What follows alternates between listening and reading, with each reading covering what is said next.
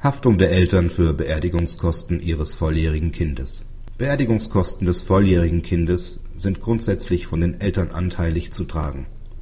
Ist ein Elternteil nicht leistungsfähig, so hat der andere leistungsfähige Elternteil gemäß § 1615 Absatz 2 BGB für die angemessenen Kosten alleine aufzukommen.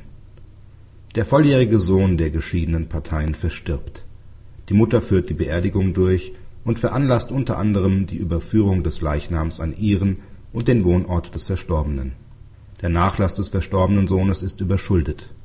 Die Mutter ist Erbin und hat kein Erwerbseinkommen. Sie beabsichtigt, den Vater auf Freistellung der Beerdigungskosten zu verklagen.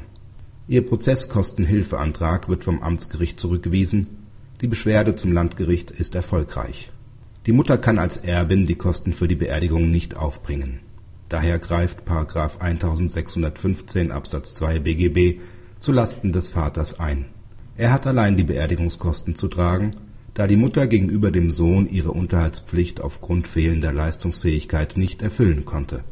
Auch die Kosten der Überführung gehören zu den Beerdigungskosten. Sie sind erstattungsfähig, da der Lebensmittelpunkt des Verstorbenen der Ort der Beerdigung war und zudem der dort wohnende Elternteil sich so um die Grabpflege kümmern kann. Praxishinweis Der Anspruch kann auch aus den §§ 683 und 670 BGB hergeleitet werden. Die Totensorge obliegt gewohnheitsrechtlich den nächsten Angehörigen, damit den Eltern. Die Durchführung der Beerdigung durch einen Elternteil ist ein sogenanntes auch fremdes Geschäft.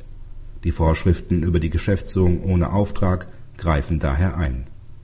Allerdings sind bezüglich des Haftungsumfangs auch hier das Unterhaltsrecht und die interne Leistungsfähigkeit zu beachten.